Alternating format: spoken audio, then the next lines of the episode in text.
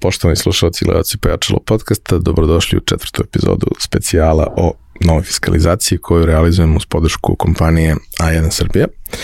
Danas se bavimo vašim pitanjima koja su stigla i pokušat ćemo da na njih damo odgovore. E, stiglo je dosta pitanja, mi smo probrali nekih 15 na koje ćemo dati odgovore, a naravno vi i dalje možete postavljati pitanja u komentarima na YouTube-u i potrudit ćemo se da i nakon epizode na, na ona na koja možemo da damo odgovore, damo odgovore u narednom periodu. Svakako ovaj, još uvek ima vremena da obavite e, sve što je potrebno za novu fiskalizaciju, a od pre nekoliko dana je dostupna ponovo uh, subvencija za nabavku opreme koja je bila aktuelna do kraja januara, a sada je aktuelna od 15. marta do 5. 5. aprila. aprila. Tako da možete iskoristiti sada, ako ste propustili u prvom turnusu, iskoristite sada priliku da suštinski novu opremu nabavite bez nekih dodatnih troškova. Moji gosti danas su Marija Đorđić iz knjigovostvene agencije Eksperta i Sergej Stolić, stariji menadžer programa ICT proizvoda u A1 Srbije. Dobrodošli. Hvala. E sad, imamo dosta nekih ovaj, pitanja ovde, neka su bazična, neka su prilično kompleksna. Krenemo redom, pa vidimo gde će to da nas odvete. Okay. A, prvo pitanje, e, nije, nije prvo stiglo, ali meni je negde najlogičnije bilo da bude na samom početku, je šta ide prvo, kupovina kase ili nabavka bezbedonosnog elementa? Pa evo ovako, Ajan Srbija je, dakle kao i ostali operateri, ima ponudu uh, za novu e-fiskalizaciju. Kod nas prvo da berete, odnosno kupite kasu. Uh, sve naše kase su Android kase koje podržavaju bezbedonosni element uh veličine SIM kartice, dakle 2FF i sa tom, sa takvim zahtjevom idete ka poreskoj upravi i kod njih dobijate odgovarajuću veličinu bezbednostnog elementa, odnosno 2FF. Da, znači prvo se nabavlja kasa, zatim Tako, se ide u prvo se bira sati. ili može i da se odabere, pa nakon dobijanja bezbedonosnog elementa da se kupi ili da se odmah kupi ovaj, kasa, na osnovu toga se izabere bezbedonosni element kod poreske uprave. Drugo pitanje, i ovo pitanje je nekoliko ljudi pitalo jer prosto imali su prethodna često iskustva gde je to podrazumevalo nekoliko različitih uređaja i dosta kompleksnih kablova i svega, a to je da li nove kase imaju mogućnost uh, za uh, plaćanje karticom, odnosno da li su sve one i uh, osposobljene za plaćanje karticama. Da, pa evo ovako, mi u ponudi imamo tri Android kase, jedna od njih, evo tu imam je na stolu, dakle ona podržava kartično plaćanje, sve vrste kartičnog plaćanja. To je srednji model, ako se sećam po, po ponudi. Pa srednji model, kod nas to zove Fiscal Plus, jednostavno podržava kartično plaćanje, odnosno taj paket sa kartičnim plaćanjem, imate mogućnost plaćanja NFC-om, čitač kartica i magnetna traka, dakle sve, sve vrste kartica koje su prisutne na našem tržištu podržava ovaj, ova kasa, tako da. Ostale ne podržavaju? a, ostale ne podržavaju. Dakle, mora da bude sertifikovan uređaj za tu vrstu ovaj plaćanja. Dobro, dobro. Marija, prvo pitanje za, za tebe. Mi smo neprofitno odruženje, obavljamo delatnost 8552, umetničko obrazovanje, koja se bazira isključivo na članarinama koje služe za obrt sredstava, ali ne za dobit. Da li podležemo fiskalizaciji? Da, ovo je malo kompleksnije pitanje pa ću pokušati da ga proširim ne dakle samo na ovu delatnost 8552 već na sva udruženja. E, treba da se vratimo korak da kažemo nazad da bi svima bilo jasno i da bi svi mogli da daju da odnosno da odgovore i da primene ovaj odgovor na sobstveni primer. Naime u zakonu o fiskalizaciji se kaže da su obveznici fiskalizacije svi oni koji su obveznici poreza na dobit. To sad malo zvuči komplikovano, ali to suštinski znači da će odgovor na ovo pitanje u stvari biti da li je vaše udruženje obveznik poreza na dobit. A ono jeste ako pruža usluge ili prodaje proizvode na tržištu. Dakle, ukoliko je udruženje takvo da recimo imamo, na primer, e, sportski klub za decu, pa recimo svakog meseca roditelji plaćaju članarinu, a u stvari za tu članarinu deca treniraju neki sport, to bi praktično bila usluga. Dakle, vi pružate uslugu treniranja dece ili pristupa sportskom sadržaju i a, naplaćujete za to novac. To je dakle usluga sa tržišta, takvo udruženje je obveznik poreza na dobit i samim tim je obveznik i fiskalizacije. Dakle, one, ona udruženja koja imaju prevashodno cilj da ne stvaraju profit, ali ipak naplaćuju određene usluge, oni su obveznici poreza na dobit, obveznici fiskalizacije, a udruženja koje se isključivo bave nekim uh, nelukrativnim ciljem, dakle recimo udruženje, ne znam, koje se bavi očuvanjem kulture, pa nema prodaje a, usluga na tržištu, već se recimo organizuju nekakvi događaji i, i zaista se naplaćuje članarina u pravom smislu te reči iz koje bi se a, finansirao taj cilj koji, koji ima takvo udruženje, onda oni ne bi bili obveznici fiskalizacije ali bi bilo u suštini najbolje da svako dobije tumačenje za sebe da bude siguran. Da, ovo bi trebalo vrlo pažljivo istestirati na svakom primeru, dakle krenuti, jer šta ovde najviše zabune izaziva, to što e, nazivamo članarinom u stvari naplatu, koja može u stvari da bude naplata usluge, a ne članarina. Znači treba ovde dobro analizirati šta mi kroz tu članarinu u stvari naplaćujemo i da li mi pružamo neke usluge našim članovima. Jer ako smo neprofitno udruženje, mi verovatno nećemo nikakvu uslugu pružiti našim članovima, ćemo tog novca, na primjer, finansirati naš taj cilj, e, neprofitni cilj, znači Primjer, kulturni, humani, tako je, tako je. Ovaj, ili recimo, ne znam, pa, ajde baš da kažemo humanite, znači mi prikupljamo novac i od članarine finansiramo nekakve akcije, a ništa našim članovima ne dajemo za uzvrat ne pružamo im apsolutno ovaj, uslugu u tom smislu nekakvu edukaciju ili pristup Osim lične satisfakcije, naravno. Naravno, da. Uh, sledeće pitanje, uh, pretpostavljam da se odnosi za jedan specifičan ovaj uh, deo klijenata, ali hajde da to objasnimo. Pitanje glasi, zanima me da li će po novom zakonu o fiskalizaciji biti obavezno kao i do sada da se vodi DPU lista u objektima gde se vrši posluživanje jela i pića. Da, ova obaveza nije uopšte regulisana propisima koji se bave fiskalizacijom. Znači nama su se promenili propisi koji se tiču fiskalizacije, a svi drugi pod znaci, mislim, uslovno rečeno propisi, ovaj, nisu se menjali, tako da de, ko je bio dužan da vodi DPU listu, on nastavlja i dalje da je vodi. Kratko pojašnjenje šta je DPU lista, to je jedan obrazac koji je uređen i obavezan za firme koje vode prosto knjigovodstvo. Kada je ukinuto pre par godina za većinu preduzetnika prosto knjigovodstvo, a, više nema obaveze da se vodi DPU lista, međutim, Poresko inspekcija ona je izuzetno praktična za kontrolu i vrlo je često traže i od obveznika koji nemaju obavezu da je vodi i to nekako a, pravi taj prostor da ljudi misle da su dužni da vode DPU listu. Znači, DPU listu dužni su da vode samo ugostitelji koji vode knjige po prostom knjigovodstvu, i, ovaj, i pre ove fiskalizacije i sa novom fiskalizacijom. Dobro.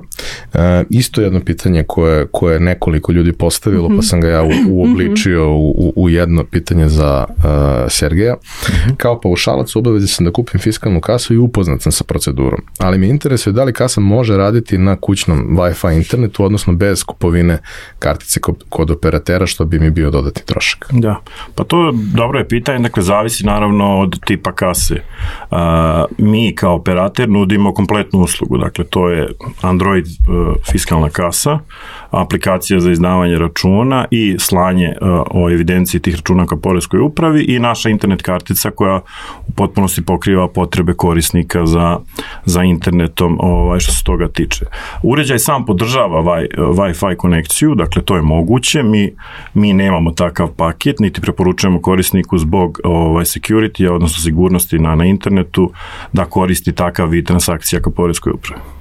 Ok, naravno tu postoji druga stvar da, jeli, uh, ukoliko uh, uređaj sam po sebi je osposobljen za pristup internetu, on je i mobilan i može Tako. da se prenosi uređaji, imaju svoje baterije, imaju određeni, da kažemo, kapacitet da mogu da se prenesu, obave neku transakciju ili više njih ili ceo dan provedu na terenu, što u ovom slučaju ne bi bilo moguće, ali tu imamo i onaj drugi moment, to je da e, po novoj fiskalizaciji e, nije neophodno u real time-u komunicirati. Upravo tako, da. Nije neophodno real time, dakle, poreski obveznici imaju čak do 5 dana mogućnost da rade u offline modu, dakle, u slučaju, ne znam, problema sa internet konekcijom, nekih drugih ovaj e, problema, nakon povratka, odnosno nakon kad se vrate online, svi ti računi koji su izdali se šalju na poresku upravu i bivaju validirane.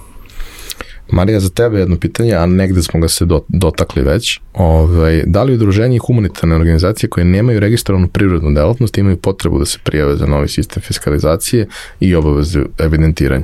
Ili imaš nešto da dodaš na ovo što si prethodno rekla? Pa samo bih skrenula pažnju na ovaj deo pitanja koji kaže nisu se registrovali za privrednu delatnost pa ovaj, tu treba voditi računa o tome da li su bili obavezni da se registruju, a nisu. Znači može da se desi da se nismo registrovali jer nismo znali da treba da se registrujemo. Dakle, suština je da li mi pružamo usluge, ukoliko ih pružamo, onda treba da se i registrujemo za obavljanje delatnosti i da se fiskalizujemo. Ako se samo nismo registrovali, onda to nije baš, da kažem, kompletna informacija na bazi koje bi mogli da damo odgovori da li smo obavezni. A, dobro.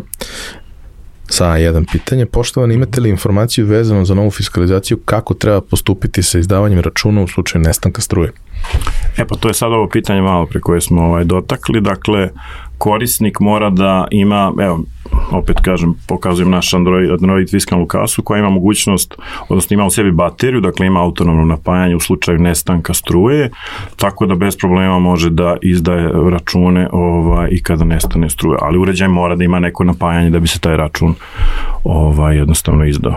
U slučaju da struje i dalje nema, baterija više nije dostupna, u slučaju da se recimo nešto dešava na prostoru gde nema Jasno. dostupne struje, kako onda? Korisnik neće moći da izdaje račun, dakle neće moći da obavlja delatnost po tako. novom zakonu, znači tako je zakonodavac predvideo. Tako je. Ok. Uh, Marija, da li delatnosti koje nisu oslobođene fiskalne kase prema zakonu o fiskalizaciji pod zakonskim aktima, a koje nemaju promet sa fizičkim licima, treba da se fiskalizuju? Ne, Znači osnovni, osnovno pitanje od kojeg svi polazimo jeste da li imamo promet ka fizičkim licima, odnosno da li prodajemo dobra ili usluge fizičkim licima. Ako ne prodajemo ništa fizičkim licima, nismo dužni da imamo fiskalnu kasu sve do prve takve prodaje.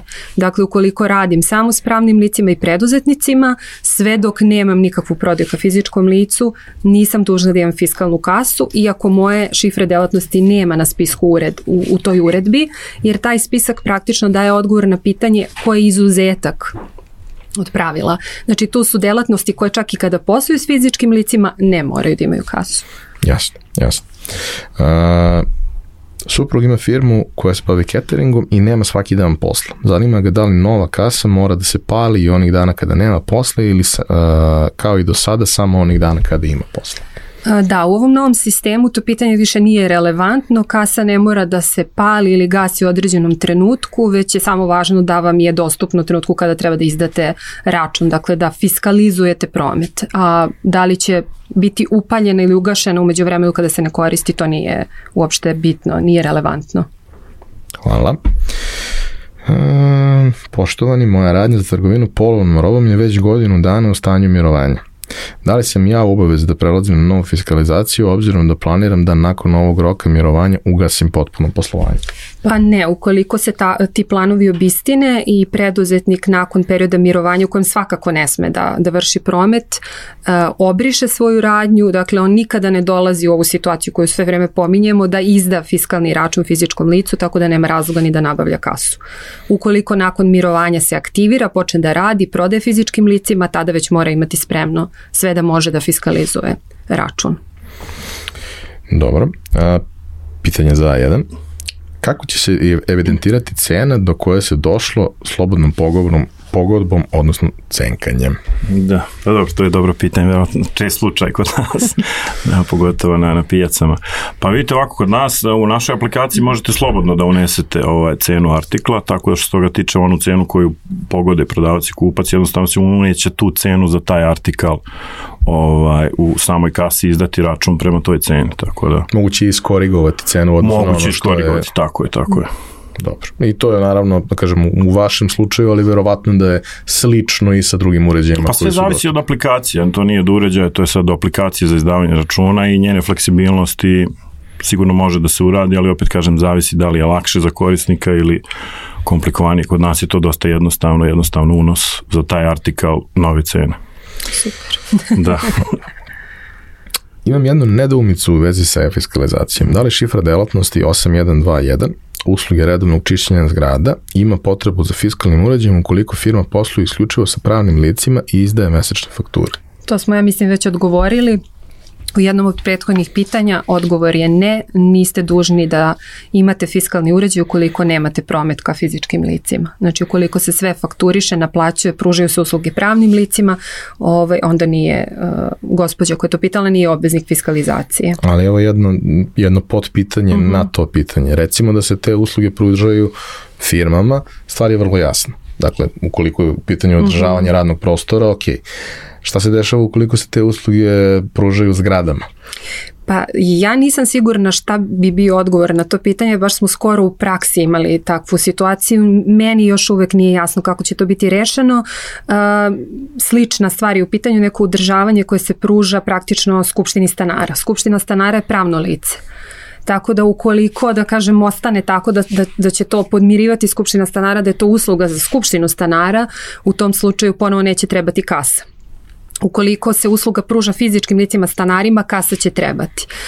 Ja mislim da će odgovor na pitanje tu više biti u nekom, da kažem, pravnom definisanju ko će u, u tom ugovoru biti ugovorne strane ovaj, kako će biti taj uređen taj odnos, pa ćemo iz toga moći vjerojatno u konkretnim slučajevima da odredimo ko je u stvari taj koji prima uslugu ko je taj koji može da se recimo žali ukoliko nije usluga da, da. iz, izvršena na pravi način, on bi mogao pre biti kupac. Znači ukoliko svaki stanar ima pravo da ugovara neku uslugu ili da, da, da kažem da se žali na kvalitet usluge i slično, ovaj, tu ćemo verovatno imati kupca fizička lica.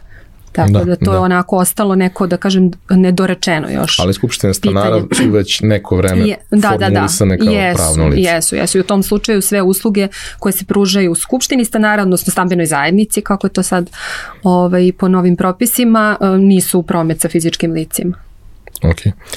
Prijavila sam se za novu fiskalizaciju, dobila sredstva za novu kasu i zanima me da li ću moći da zatvorim radnju kada budem htela, ukoliko ne budem dobro poslovala ili sam dobijanjem sredstava možda uslovljena da radim obavezno neki određeni period. Ne, dobijanjem sredstava e, preduzetnici i pravna lica nisu uslovljeni da moraju da rade određeni period. Takvo uslovljavanje čak ne mogu ni da zamislim da bi moglo bude propisano, znači svako ima slobodnu volju da prestane sa svojim poslovanjem, ali ono što je posledica koja može da se desi jeste da takav preduzetnik ili pravno lice izgubi pravo na sredstva koje je dobio. Dakle, vi sigurno možete da zatvorite kada god želite, ali ukoliko to uh, u, ovaj, urad učinite recimo pre nego što evidentirate bilo koji promet na kasi, što je uslov da ne izgubite subvenciju, dakle uslov da se ne izgubi subvencija je da se do 1. oktobra evidentira barem jedan promet s fizičkim licem. Ako to ne učinite, gubite pravo na subvenciju, zatvorili firmu ili ne. U slučaju gubitka potrebno je sredstva vratiti na namenski račun i to sa kamatom koja se obračunava od perioda kada su sredstva ovaj, bila raspoloživa do trenutka vraćanja, ali kažem odgovor na ovo pitanje apsolutno će uh, preduzetnik moći da zatvori firmu kada to želi. Jedno isto zanimljivo pitanje e, nije usamljeno, bilo ih je nekoliko, ja sam ih prepakovao u jedno jer su slična. Ovaj, verovatno zato što imamo dosta, dosta publike koja ima tu neku vrstu interesovanja i e, na taj način ovaj, posluje. A, kako rešiti da pijačne tezge imaju mogućnost kartičnog plaćanja ili plaćanja QR koda? Da, pa evo, to je isto ovaj, odlično pitanje. Mi smo, jesmo se spremili baš sa ovakvim jednim uređajem koji sam se pokazao, dakle podržava kartično plaćanje, on je, jeste namenjen negde mobilan uređaj, tako da za pijačne tezge idealan prima sve vrste kartica, podržava uh, sve vrste kartičnog plaćanja, pomenuli smo NFC, čitač kartica i magnetna traka, tako da u potpunosti omogućava takvoj vrsti prodavaca da sem keša prima i kartično plaćanje. A što se tiče QR kodova? A, QR kod, odnosno IPS plaćanje trenutno ne, ne podržavamo, ali nam jeste negde u planu da, da se krećemo u tom smeru. Jer to je suštinski samo softverska stvar na kojoj treba da se radi. Tako je, tako je. Uređaj ima kameru koja je potrebna da bi skenirala ili kako već taj deo funkcioniš? Uređaj podržava, ali to je kao i kod drugog QR kod e, plaćanja, dakle korisnik je taj koji skenira, skenira taj sa... QR kod, tako da, je, tako okay. je. Ok. Uh, Marija, kako sa delatnostima koji imaju avansne uplate, recimo turističke agencije? Avans se plaća u ratama pre putovanja dinamikom koja odgovara korisniku ali kako se kuca. Da, pa jedna od većih novina u ovom sistemu jeste što se sada i avansi fiskalizuju. E, ranije u starom sistemu račun se izdavao kada dođe do prometa ili onog što mi zovemo konačni račun e, i avansi nisu evidentirani u fiskalnoj kasi. To je sad velika novina. Sada postoji poseban, da kažem, dokument, odnosno račun, avansni račun, tako da se avansi posebno kao takvi evidentiraju u kasi. U ovom primjeru koji, koji si pročitao, dakle, turistička agencija bi praktično izdala nekoliko ili jedan avansni račun, a onda kada pruži uslugu turističkog aranžmana, onda bi izdavala taj konačni račun. A šta se dešava u slučajevima koji mogu da se dese da prosto neko ne može da ide na putovanje, taj novac je potrebno vratiti? Da, da, novac je potrebno vratiti i uh, vidjet ćemo kako će to tehnički funkcionisati, ali kase imaju opciju poništaja računa, tako da pretpostavljam da će sad to je možda tako je na, na proizvođaču kasa da. Ovaj, da se taj račun prosto stornira da se novac vrati. Avansni račun. Dobro. Vlasnik sam samostalno zanatske radnje i bavim se molirskim radovima, radovi izvodim na terenu. Posle izvedenih radova i prilikom naplate izdam fiskalni račun. Da li sam obavezan da novac koji sam naplatio od mušterije odnesem u banku i predam pazar? Ako uplaćujem pazar, koliko vremenski smem da zadržim novac kod sebe?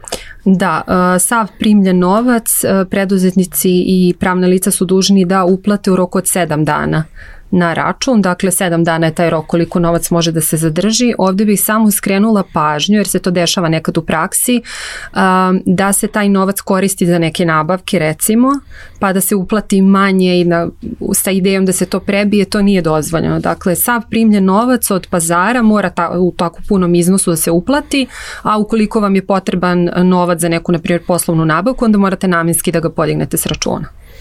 Dobro. Uh, I imamo jedno pitanje koje je uh, stiglo, koje uh, o kojem smo imali diskusiju pre nego što krenuli sa, sa snimanjem, jer suštinski se ne odnosi na ovo, ali možda jeste značajno da, da, da mm, damo neko uh, tumačenje zajedno, jer prosto to jesu situacije koje mogu da se dese korisnicima. A to je uh, pitanje uh, kako će se evidentirati roba koja je ukradena sa pijačne tezge, odnosno šta se dešava u slučaju da neka roba nestane sa tezge, iz prodavnice ili bilo šta slično, nije prosto imamo na stanju, sve to postoje, šta mi radimo sa tim da bi bili čisti pred propisima da. i poreskom. Da, prodiskutovali smo i pa da. da, složili pa, smo se da to ne bi praktično bio promet, Nije tema nešto fiskalizacije, nije tako. promet, roba nije prodata, ne može da se izda račun, ali evo sad i Marija može se nadoveže da li je to manjak robe ili kako tako se to je, to Bi da. bio, tako je, to bi bio manjak robe usled više sile, usled krađe i postupak koji je običajen u toj situaciji jeste da se kontaktira MUP koji bi došao, napravio zapisnik o krađi i praktično bi taj zapisnik bio osnova da se u knjigovodstvu evidentira nedostatak robe, odnosno manjak i u nekim situacijama ukoliko je reč o obvezniku PDV-a može da posluži za tu PDV evidenciju, ali svakako po našem mišljenju nije... Ne radi se ništa kroz fiskalnu tako, kasu. Tako, nije da, nešto što treba evidentirati je. na fiskalnoj kasi.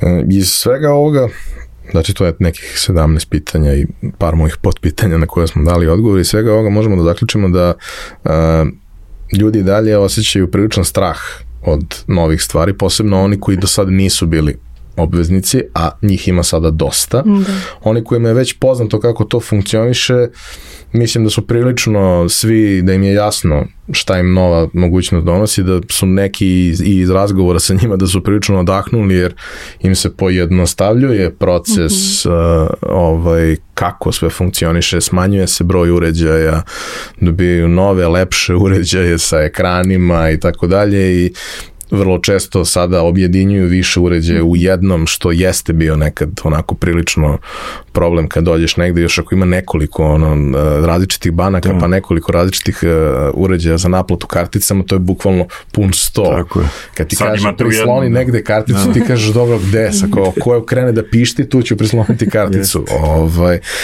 Ali kod novih uh, obveznika postoji dosta pitanja, postoji dosta nejasnoća, ja bih još jednom apelovao na sve koji, koji ulaze u, u ovu priču, uh, a to su skoro svi mm. iz ovoga što smo videli, odnosno apsolutno uh, svi koji rade sa fizičkim licima, osim onog malog broja Jeste, delatnosti uskih, da, koje su, izuzetaka.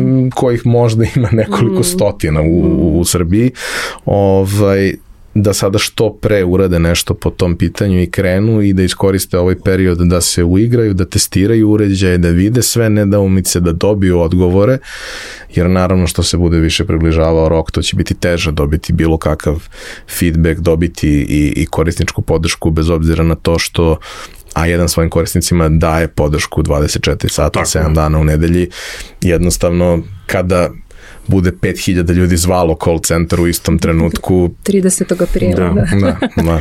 Pa mi stalno apelujemo i kroz prodajnu mrežu i kroz korisnički servis da se to odradi na vreme, imamo još neki 40 dana do tog 30. aprila, da bismo olakšali i sebi i korisnicima, da ne biste došli u moment baš to je sad, mm -hmm. treba nešto da naučim na nove aplikacije, a korisnički servis je ili pretrpan ili nisam stigao u poreskoj upravi da podignem bezbednostni element zbog velikih redova čekanja i tako dalje. Znači još jednom apel da zaista odradimo neke stvari na vreme i da se pripremimo za tu novu e-fiskalizaciju kako treba. Lepa stvar koju smo pomenuli je da, e, za razliku od prethodne generacije, ovi uređaji imaju test mod u kome je zapravo moguće sve probati bez Tako da je. postoji realan promet. Dakle, sve uradiš i onog trenutka kad sve znaš da radiš, možeš da aktiviraš uređaj i da kreneš. Jeste. Takođe, uh, uređaje je moguće pustiti u rad i ranije, ne mora da se čeka 30. odnosno 1. maj ili kako već, već je to moguće uraditi i ranije kome to odgovara. Imali smo ovde goste koji su uh, ili u završnim fazama bili pripremni ili su neki već pustili u rad nove kase i, i to funkcioniše. Ja sam pre neki dan dobio novi fiskalni račun prvi put i onako bio sam prilično ponosan jer to dosta lepo izgleda, onako na dosta Koje, veliki. koje je prodajno mesto ako nije?